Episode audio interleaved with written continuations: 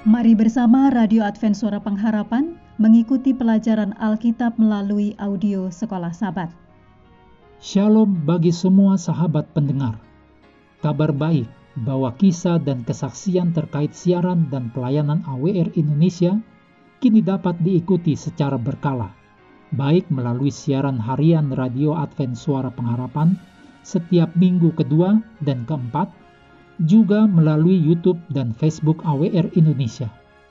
Terima kasih banyak untuk yang sudah menyampaikan dan masih terbuka bagi Anda semua untuk segera SMS atau telepon ke nomor AWR di 0821 1061 1595 atau di nomor 0816 1188 302 untuk WhatsApp dan Telegram kami tetap menunggu dukungan Anda. Selanjutnya kita masuk untuk pelajaran hari Kamis tanggal 30 Juni. Judulnya, Janji yang Pasti untuk Perjalanan. Mari kita mulai dengan doa singkat yang didasarkan dari Mazmur 23 ayat 1. Tuhan adalah gembalaku, takkan kekurangan aku. Amin. Mazmur 23 ayat 6 Kebajikan dan kemurahan belaka akan mengikuti aku seumur hidupku, dan aku akan diam dalam rumah Tuhan sepanjang masa. Saat kita berada di lembah atau dikelilingi musuh, terkadang kita tergoda untuk percaya bahwa kita ditinggalkan sendirian.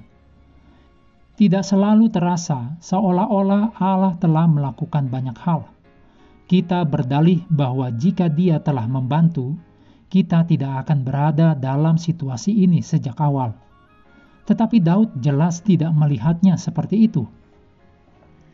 Terlepas dari pencobaan-pencobaannya, dua hal yang diyakini Daud dikatakan dalam Mazmur 23 ayat 6. Yang pertama, kebajikan dan kemurahan belaka akan mengikuti aku seumur hidupku. Yang kedua, dan aku akan diam dalam rumah Tuhan sepanjang masa. Hal yang seirama dituliskan juga dalam Efesus 1 ayat 4, 2 Petrus 1 ayat 10, juga Ibrani 11 ayat 13 sampai 15. Beberapa terjemahan mengatakan bahwa kebaikan dan kasih yang tak berkesudahan, yaitu komitmen perjanjian Allah, akan mengikuti aku sepanjang hidupku. Namun, kata kerja aslinya jauh lebih berkuasa dan ayat tersebut seharusnya berbunyi bahwa kebaikan dan kasih yang tak putus-putusnya akan mengejar aku sepanjang hari dalam hidupku.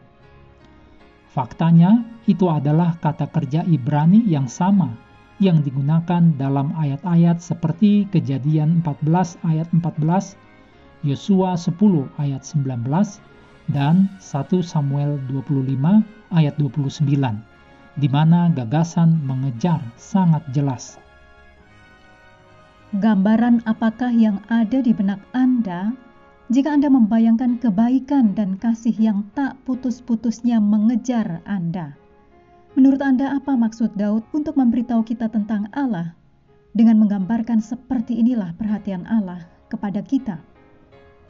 Seberapapun dalamnya lembah atau gigihnya musuh, kepastian kebaikan Allah dan kasih yang tak putus-putusnya, serta kepastian bimbingan Allah hingga akhir perjalanan kita, tidak perlu dipertanyakan lagi.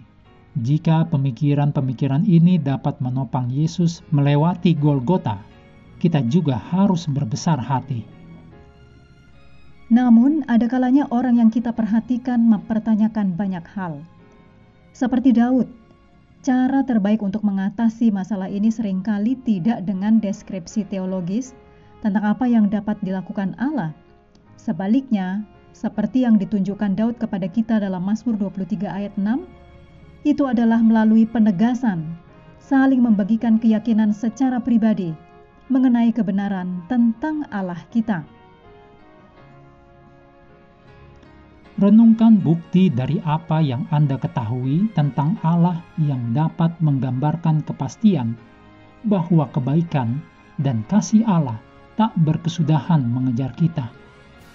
Tambahkan lagi bukti dari Alkitab dan bagikan ini kepada mereka yang mungkin sedang mempertanyakan kepastian pemeliharaan Allah. Salib merupakan contoh terbesar dari Allah mengejar kita. Mengakhiri pelajaran hari ini, mari kembali kepada hafalan kita Mazmur 23 ayat 3. Ia menyegarkan jiwaku. Ia menuntun aku di jalan yang benar oleh karena namanya. Hendaklah kita terus tekun mengambil waktu bersekutu dengan Tuhan setiap hari bersama dengan seluruh anggota keluarga. Baik melalui renungan harian, pelajaran sekolah sahabat, juga bacaan Alkitab sedunia percayalah kepada nabi-nabinya, yang untuk hari ini melanjutkan dari ulangan pasal 15. Tuhan memberkati kita semua.